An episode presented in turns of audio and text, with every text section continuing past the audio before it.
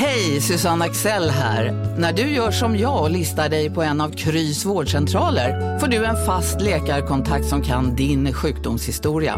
Du får träffa erfarna specialister, tillgång till lättakuten och så kan du chatta med vårdpersonalen.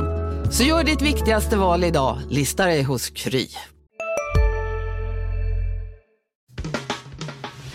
Analyspodden från Dagens Industri. Hej och varmt välkomna till Dagens Industris analyspodd om de stora frågorna börs, ränta och makro. Idag är det med mig, Henrik Mitterman, och Kalmars stolthet, Ulf Pettersson. Uffe, solen skiner i Kalmar. Det gör den. Eh, lite vind, vind också, det ska det vara här vid kusten. Men det är bra. Du då, vad, vad, vad håller du hus denna sommardag? Jag befinner mig faktiskt i Eriksberg, inte så långt ifrån dig, alltså i Blekinge. En eh, Nordens största safaripark med massor med hjortar och andra spännande djur. Eh, som är eh, Rune Anderssons verk. Mm. Det är lite som att vara i Afrika fast i Blekinge då, eller? Ja, men lite så. Eh, kan varmt mm. rekommenderas ett, ett besök hit. Och här har jag ju mm. suttit med, med eh, Rune Andersson och löst alla världens problem. Rune, en legend i det svenska näringslivet. Ja. Som eh, ser framför sig med viss oro på inflationen. Ja, och ser han något som är positivt i världen också? eller? Ja, det gör han. Um, en ganska stark, fortsatt stark industrikonjunktur. Men sen är det väl den stora frågan hur... Alltså det var ett visst skämt att vi hade löst alla världens problem under ja. de senaste 24 timmarna. Men, men, men, äh, men han har ju, det är verkligen spännande med honom för han är så bred. Han har ju sina tentakler ute precis överallt. Från äh, kappal till riktig industri. Och mm. äh, ser väl att konsumenten mår ganska bra än så länge och att det är ett skriande behov av arbetskraft. Och Det är väl det som är nyckeln. Jag som, som funderar mycket på inflation, det är väl det som är nyckeln. En sak är de här råvarupriserna som har gått upp, energipriser upp och då får vi faktisk inflation som är väldigt hög. Det känner mm. vi alla till. Men det, och det kommer ju gå upp och det kommer gå ned och hitan och ditan. Men det avgörande blir ju ifall vi får riktiga löneökningar. Och där är ju juryn fortfarande ute. Ja, men det är ju alltså... Man pratar ju om det och det har man ju sett lite nu i veckans tidning och lite sådär hur, hur de olika parterna på arbetsmarknaden då börjar positionera sig då lite grann. Där jag tycker att arbetstagarna är fortsatt väldigt, väldigt försiktiga i förhållande till den, den starka position de sitter på då med en enorm arbets, eh, arbetsbrist, så att säga, eh, brist på, på, på, på, på, eh, på folk. Och samtidigt som efterfrågan är hög och vinstnivån i, i, i, företagen är väldigt hög så är de försiktiga. Men så säger ju då också arbetsgivaren här att ah, vi, har inte, vi kan inte liksom ha massvis av löneökningar här för då skjuter man fast eh, skjuter man fart ytterligare på inflationen. Men det är inte så att, det är inte så att våra löner, din, din och min lön, ingår i inflationsstatistiken utan det är ju liksom konsumentpriser man mäter där. Så det, det är lite det här jag tycker något som pratas, och det var ju faktiskt, det får vi prata i den här podden om tycker jag. Eh, tittar man på eh, Ingves då, eh, senaste inflationsstatistiken var det så nämnde han då att företagens vinst, företagen har nog passat på att höja priserna. Det är inte bara liksom att de har fått in massvis av prisökningar in, in i systemet, utan de har även passat på att, att, så att säga, höja sin, sin marginal lite grann också. Och det där är ju... För att de är smarta? Ja, och då så är ju alltså att om de nu har höjt priserna då så, så ska liksom arbetstagarna sitta och hålla igen. Liksom det, det är ju liksom sagt det är inte lönerna som skapar inflation utan det är liksom vad vi gör med lönerna som skapar inflation, då, en ökad konsumtion får man väl säga. Ja, men precis, och där är väl den stora frågan. Lyckas löntagarna nu, när det är som brist på arbetskraft, lyckas man att pressa upp sina löner? Och än så länge har ju de fackliga organisationerna varit väldigt eh, försiktiga i sina uttalanden inför nästa års avtalsrörelse. Men, men det finns ju en hel arbetsmarknad utanför den där, nämligen vi enskilda arbetstagare som försöker få upp lönerna och med tanke på den skriande brist det är, så är det klart, visst finns det risker att lönerna drar iväg och man kan ju förstå det. Men det är också lite lustigt det där med hur centralbanker, inte minst den svenska riksbanken, lite anklagande pekar finger mot företag som lyfter sina priser. Det är ju grattis till Sverige som har så fina företag som ser chansen att bibehålla eller till och med öka sina marginaler. Ja, och det är lite den, den diskussionen hade vi fast på helt, an, det andra, helt annan håll då för ett par år sedan där vi pratade om att vi var tvungna att stimulera liksom, eh, ekonomin för att, för att få inflation i systemet. Men jag har alltid varit av den åsikten att, att kan ett företag eller vem som helst höja priserna så gör man det. Liksom. Så det jag tror inte vi behöver liksom fundera så mycket på på liksom deflation, utan det betyder bara att konkurrenstrycket är väldigt, väldigt starkt, vilket är sunt då. När inte konkurrenstrycket är så stort eller att efterfrågan är alldeles för hög, då kommer inflationen. Det är inte så att, den, att inflationen, det skrevs i många artiklar att den var för evigt död då, men det, den, mm. den har inte varit så här pigg sedan, sedan 70-80-talet egentligen. Och Det är också intressant tycker jag när man tänker på vilket konjunkturläge vi befinner oss i. Det är nästan som att det är fyra årstider varje dag, inte bara i väderleksrapporterna. Utan befinner vi oss i en högkonjunktur eller lågkonjunktur? Ja, den amerikanska centralbankschefen fick den frågan häromdagen. Och tekniskt sett befinner sig USA i någon form av recession om man tänker två kvartal med fallande BNP. Men som han noterade, vi har arbetslöshet på 3,6 procent och det skapas flera hundratusen nya jobb varje månad.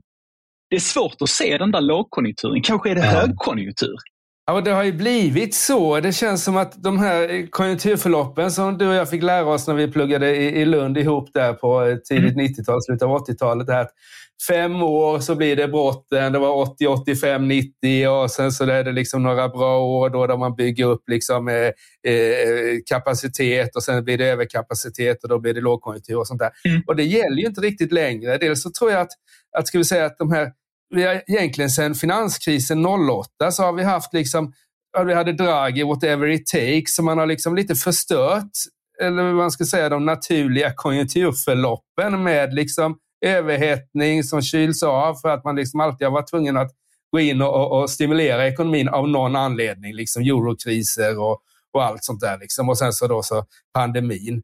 Och tar vi pandemin, vi får prata mer om, om vad som hänt i veckan och sånt där också, det är ändå det på det. Men nu är det väl liksom ändå klarlagt att, att jag tycker att eh, centralbanker och även eh, politiker då med sin finanspolitik gjorde helt rätt som gasade igenom eh, pandemin i början. Därför man visste ju inte om det var en spansk sjuka med, som skulle liksom ta, ta generationens liv här. Men, och det är klart att då får man ju liksom hjälpa till. Då. Men ganska snabbt, jag menar den här inflationen som vi pratar om nu, det är inte så att den har kommit de sista två, tre månaderna. I USA har den ju faktiskt pågått i, i ett år egentligen, så har den ju varit över deras mål. Att man borde nog egentligen ha stramat åt kanske framförallt de här obligationsköpen redan ja. förra året lite grann. Liksom, kanske, kanske för ett år sedan till och med.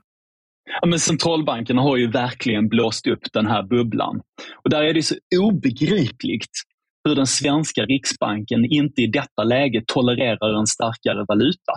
Alltså här har man chansen att öka vår köpkraft och faktiskt dämpa inflationen. Men det vill man inte göra och tyvärr så får vi lida av detta under ganska lång tid framöver sannolikt. Med en riksbank som är helt fast i den gamla analysramen. Ja, så är det. Och vi som har varit eh, på semester utomlands här märker liksom att, det är inte, att valutasvin är inte så lätt längre när man är svensk. Liksom, eh, utan det är, det är dit utomlands. Ja, valuta, men tittar man på resultaten under Q2 så är det ju valuta, det är mycket valutavinst i industrin, så de gynnas ju av den eh, svaga, svaga kronan vi haft. Men, men allmänheten eh, bär faktiskt priset genom eh, ökade importpriser och en, en minskad köpkraft, framförallt i ett internationellt perspektiv. Så är det. Och jag, vet inte, vi kan fortsätta prata med centralbanken innan vi pratar om börs och sånt där, så, så tycker jag lite att vi skrev idag, då, eh, eh, Nisse Åkesson hos oss skrev idag om bostadsmarknaden i Sverige här som då har varit pekat lite neråt sedan i mars-april egentligen. Och där får man väl ändå, för jag, den uppgång vi hade i bostadspriser från pandemin började mars, ja det var lite ner i mars, men sen april 2020 och sen nästan ja, ett och ett halvt år så steg priserna 20 procent. Och den, den uppgången hade vi ju inte behövt ha egentligen, för den blev ju för mycket och den, blev ju, den var ju centralbanksdriven helt enkelt när man sänkte räntorna så mycket som man gjorde.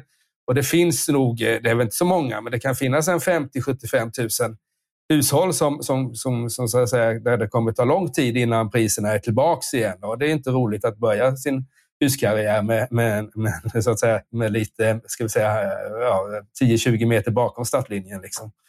Men ska vi prata lite om, om eh, börs och sånt där kanske? Det tycker jag. Vi har haft en strålande månad som nu går mot sitt slut. När vi spelar in denna podd så är det fredagen den 29 juli och börsen pekar upp även idag. Hur mycket är det upp nu på månaden? Eh, 11 procent om det står sig som det gör nu på förmiddagen. Här. Vi är uppe en procent drygt även idag. Vad är det för drivkrafter? Ja, det går ju att hitta många. Eh, eh, jag skulle vilja säga att, att eh, rapporterna har, har, gett stöd både till, eh, till Stockholmsbörsen, de svenska bolagsrapporterna och de amerikanska bolagsrapporterna har i alla fall den sista tiden eh, tagit emot väl då, trots att Trots att resultaten är ju svagare i USA än vad de är i Sverige. Där har vi valutaeffekten. Amerikanska bolag drabbas ju nu av den starka dollarn här. Eh, deras exportindustri är ju, är ju, påverkas ju, men, men eh, det har gynnat. Sen tror jag att den här nedgången vi hade under januari fram till juni, juli sågs väl som en, eh, i ljuset av Q2-rapporterna som en överreaktion. Plus den här sista, sista svängen uppåt då, det är väl att man redan nu börjar liksom se slutet på räntehöjningarna. Det kommer väl mm. ett par till i USA kanske, men sen räknar man ju att redan 2023 kanske det blir stimulerande igen då med sänkningar. Och det, men å andra sidan så, så, är ju marknaden som den är. Den är på väldigt gott humör några dagar och sen är den, hittar den någonting att oroa sig för. Men just nu så är ju glaset halvfullt snarare än halvtomt. Och Stockholm går ju extra bra. Det tror jag gör med att vi har en väldigt aktiv aktiemarknad i, i, i, i förhållande till mycket annat i, i Sverige i alla fall. Att vi har mycket placerare som kan handla väldigt billigt hos de här nätmäklarna och även i, högre grad hos bankerna då, som också börjar få konkurrenskraftiga erbjudande. Att man liksom handlar, det är nästan gratis och, och så att säga, och så kan man sälja och så där. Och det gör att vi får större uppgångar när, när så att säga, den globala börserna börjar peka uppåt lite grann i Sverige. Då, för vi har haft några riktigt bra dagar här i Sverige. Det är ganska spännande tycker jag ur ett makroperspektiv. att Börsen har ju varit helt övertygad om att konsumenten mår väldigt dåligt. Och Det är lätt att måla upp den bilden. Det är hög inflation, stigande kostnader med andra ord. Och vi har fallande bostadspriser som du var inne på och börsen är ner och hitan och ditan. Konsumenten är under isen. Lite så har vi på något sätt liksom, så har jag i alla fall tolkat börs sentimentet. När man mm. tittar exempelvis på bolag som håller på med sällanköpsvaror, det där, de där mår dåligt, är tanken. Men mm. när man tittar på vad konsumenten faktiskt gör så är det inte alls i samklang med det de säger. Och Vi får ju se, det kanske ändrar sig. Men vi fick ju som bekant Konjunkturinstitutets senaste rapport igår och den tyder ju på att hushållen är rekorddeppiga. Och min spaning, återigen, vi får se om det stämmer, det är att när de ringer runt till oss, då berättar vi om vår ångest. Vi mår dåligt, det här är uselt. Sen går vi ut och köper. Vi är specialister på det vi gör, precis som du. Därför försäkrar vi på Swedea bara småföretag, som ditt. För oss är små företag alltid större än stora och vår företagsförsäkring anpassar sig helt efter firmans förutsättningar. Gå in på swedea.se företag och jämför själv. Hej, Synoptik här. Hos oss får du hjälp med att ta hand om din ögonhälsa. Med vår synundersökning kan vi upptäcka både synförändringar och tecken på vanliga ögonsjukdomar. Boka tid på synoptik.se. Den där kajaken och iPhonen och allt vad det är. För statistiken rapporterna från bolagen. Vi fick ju Apple nu i morse till exempel. Mm. Var ju nya rekordförsäljningar av iPhones. Och, jag mm. menar, en iPhone kostar mellan 9 000 och 15 16 000. Det är inga billiga produkter. Mm. Men det fortsätter vi ändå att köpa. Mm. Nej, men det, och det där, är ju, det där får vi väl se. Vi pratade, kommer jag ihåg, eh, när man påbörjade med det här. Det var ett tidigt 90-tal här och den tudelade ekonomin. Hur industrin gick väldigt starkt med valutadopade även då efter finans, alltså fastighetskrisen. Medan eh, eh, eh, ska vi säga, konsumtionen var svag. Och, och nu, det var väl det som slog en i, i Konjunkturinstitutets barometer här. Hur otroligt stor skillnad det var mellan hushållens syn på ekonomin mm. och företagens syn på ekonomin. Och där är frågan vem som kommer få rätt. Då. Jag skulle säga att att tar vi finanskrisen 08 så reagerade, om jag kommer ihåg det, alltså bolagen var redan alltså så sent som Q2, där juli, augusti, ganska optimistiska och sen skedde Lehman Brothers september medan så att säga, det var lite annat på, på konsumentsidan där. Men vi får se. Det, det, är en, det är en så pass stor skillnad så någon, någon måste närma sig den andra. Om det är att mm. hushållen blir, optimistisk, blir mer optimistiska igen eller om det är industrin som, som, börjar, som så att säga blir pessimistiska. Det, det är väl någonting att det, det, vi får väl svaret i höst, i höst skulle jag tro. Och där tror jag det är viktigt att fundera när man har de här konjunkturspaningarna och både du och jag har ju den erfarenheten att, som gör att man blir lite ödmjuk eftersom ibland går det rätt och ibland går man snett. Men tar man de här stora kriserna vi har varit igenom, alltså Lehman Brothers, finanskrisen 2008-2009 och början av 90-talskrisen det var ju liksom finansiella härdsmältor i Sverige början av 90-talet och i världen 2008-2009. Det vill vi gärna säga nej tack till. Vi mm. vill gärna hoppa över nästa finans och bankkris eftersom när bankerna inte riktigt fungerar så, så, så liksom blir, det, blir det lite stopp i blodomloppet i, i ekonomin. Den här gången ser inte jag något sådant och det är det som gör att jag är ganska optimistisk. Jag menar, folk har jobb, visst vi kanske faller ner i en blir lite svagare ekonomi och då minskar man väl på vakanserna lite grann. Men mm. de flesta har jobb, vi får leva med lite, lite högre räntor. Ska vi titta på räntemarknaden så prissätter man i Sverige att styrräntan ska upp till 2,5 procent. Ja, det får vi väl leva med. Ja, Nej, precis. Och man märker nu att ränteuppgången som var ohyggligt kraftig här, det är ganska märkligt att det inte har satt större effekter. Det är ändå att jag tittade på en genomsnittsränta på en femåring, eh, ett bostadsbolån, eh, en eh, femåring här i Sverige. Jag tror det var Swedbank. Då hade den gått från 1,5 till 3,5 från december till junis genomsnittssiffra då, vad folk verkligen får betala för sina, sina lån. Och Det är ju ganska mycket, men, men, men man tror ju inte att det blir så mycket mer liksom, som det ser ut idag i alla fall. Utan det är nästan så att ränteuppgången, åtminstone den absoluta lejonparten, har redan skett. Ja, och ska det då pika någonstans där på 2,5 procent och någon boränta på 3,5 eller någonting? Mm, ja, då vet vi att det inte blir de där befarade 6 procenten som säkert någon skulle vara lite orolig för. Ja. ja, då får vi anpassa oss efter det, så länge vi fortfarande har jobb. Och Det är ju ändå slutkonsumenten som styr mycket. Och tittar vi på industrin, spelar ju inte någon större roll ifall räntor är upp en eller två procentenheter. De har ju dessutom fina balansräkningar. Ja, ja. Nej, utan, men det är, utan det är i så fall eh, förtroendet. Alltså att det är klart att är du, industri, ja, du sitter ju med Rune Andersson, så han kan ju svara bättre på det än vad jag gör. Men det är klart att om man känner att, liksom att, att, att, att det är över nu, då, då tar du inte de stora investeringsbesluten. Men så länge så det finns en optimism i industrin så, så fortsätter man ju och tittar man på Tar man Q2 så var ju orderingången var ju fortsatt. Den var inte sådär extremt... Eh, för man, liksom, Q1 var fantastisk, men det var ju rejäla ökningar och ABB var ju... Eh, Björn Rosengren där var ju mer optimistisk om andra halvåret än vad han var liksom för ett kvartal sedan. Och, så där. och det är mm. lite stencykliskt det där, men, men ändå. Så där, I ordersiffrorna finns ju ingenting och tar man orders, orderstock i förhållande till försäljning då så är ju orderstockarna betydligt högre än det senaste årets försäljning. Så, så det där, alltså det, det ska liksom, det ser bra ut och sen så får vi väl se vad som händer. Och det är klart att det, är man pessimist så går det alltid liksom att hitta, hitta, liksom, hitta det som fäller det här. Men, eh, men eh, ja, det är svårt.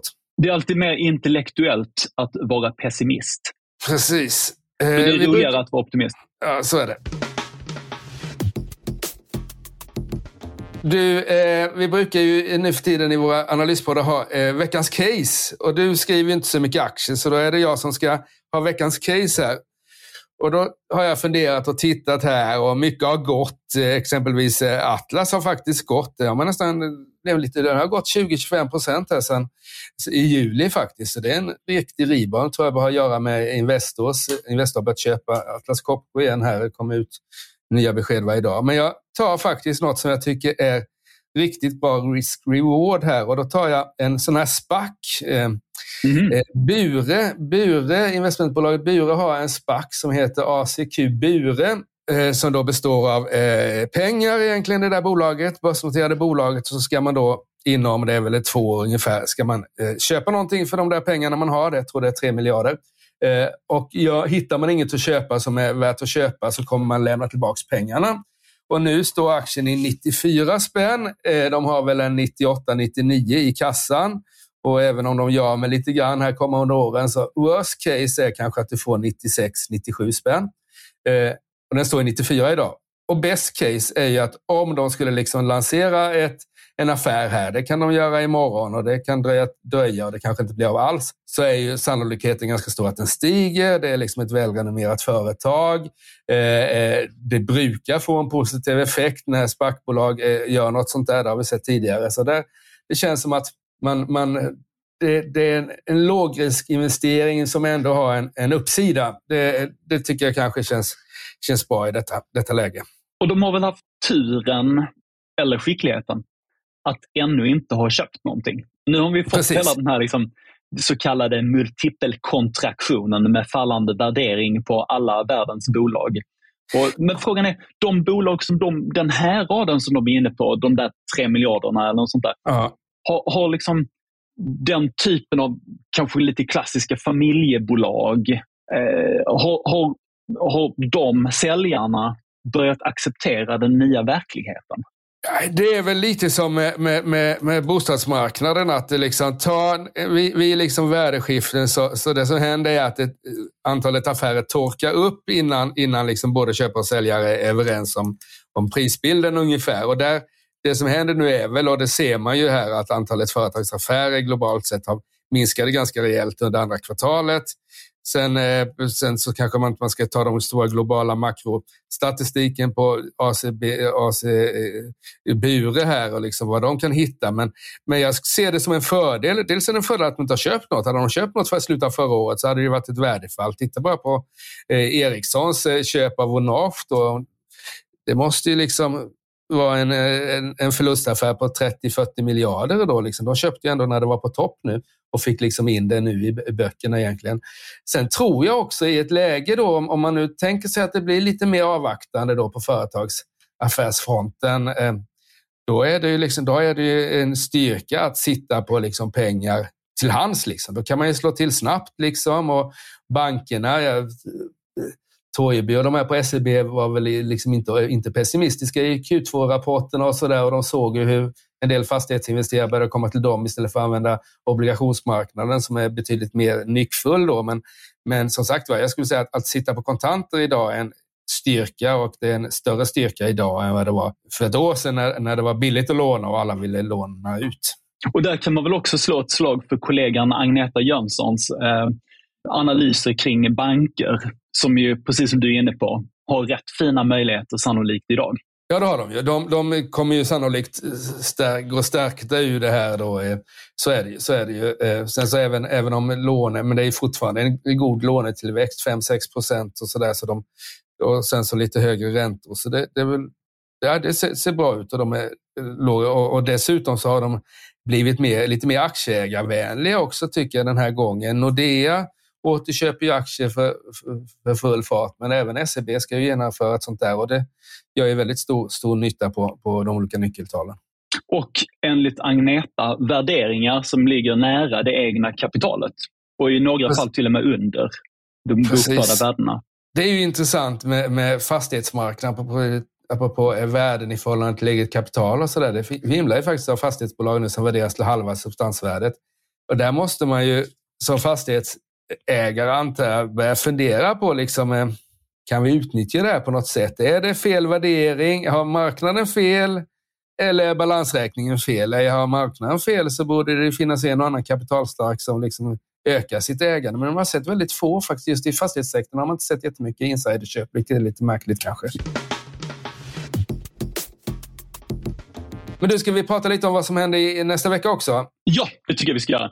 Eh, på makrofronten är det spännande saker, som alltid höll jag på att säga. Men det, framförallt den där första veckan på månaden brukar alltid vara lite extra spännande. För då får vi ju de här inköpschefsindex, inte minst den amerikanska siffran, på måndag. Eh, men vi får det från resten av världen också. Och Det är en bra liksom, indikation på hur stämningsläget är i världsekonomin. Min gissning är att de kommer vara fortsatt ganska starka. Det är ju ganska industritunga bolag som berättar om läget och de är nog fortsatt väldigt optimistiska, är min spaning. Och sen får vi ju de amerikanska arbetsmarknadssiffrorna på fredag, alltså fredagen den femte. Och det är ju alltid en kioskvältare. Vi har ju haft oerhört starka siffror från USA. Arbetslöshet på 3,6 procent och det skapas liksom nästan 400 000 jobb.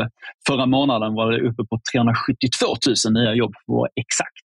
Nu räknar marknaden med en liten, liten, liten avmattning, men det är fortfarande mer än 250 000 jobb som har skapats under förra månaden, om marknaden har rätt. Och vad säger vi på din front? Rapportperioden är i stort sett över. Det finns lite, lite bolag kvar, Nibo och sånt där, men de kommer inte nästa vecka. Utan eh, från bolagssidan, om vi ska knyta ihop den här podden, så kommer Clas Olsson med eh, försäljningssiffror för juli. Och vi pratade ju om de dystra konsumenterna som säger sig vara dystra men fortsatt handla. Så då kanske vi får ett svar från hur de gjorde i juli i alla fall. Och det är klart att sen så kanske värmen var för hög vissa dagar så man inte var inne och handlade några grejer. Men eh, som sagt var, det får man väl titta på. Just för, för just konsumenterna och deras förtroende eh, är intressant att följa här för hösten. Och där är spaningen alltså att konsumenten är schizofren. Ja. Man säger en sak och gör någonting helt annat. Ja, så är det ofta. Bra, jag tror vi stannar där Henrik och tackar våra lyssnare. Det gör vi också. tycker jag vi ska slå ett litet slag för alla våra andra poddar.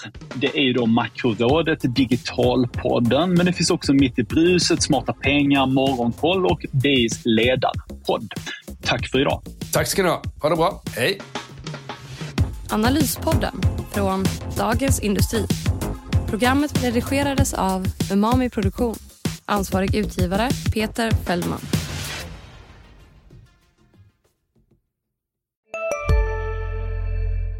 Välkommen till Maccafé på utvalda McDonalds restauranger med Baristakaffe till rimligt pris. Vad sägs om en latte eller cappuccino för bara 35 kronor? Alltid gjorda av våra utbildade baristor. En nyhet. Nu kan du teckna livförsäkring hos Trygg-Hansa. Den ger dina nära ersättning som kan användas på det sätt som hjälper bäst.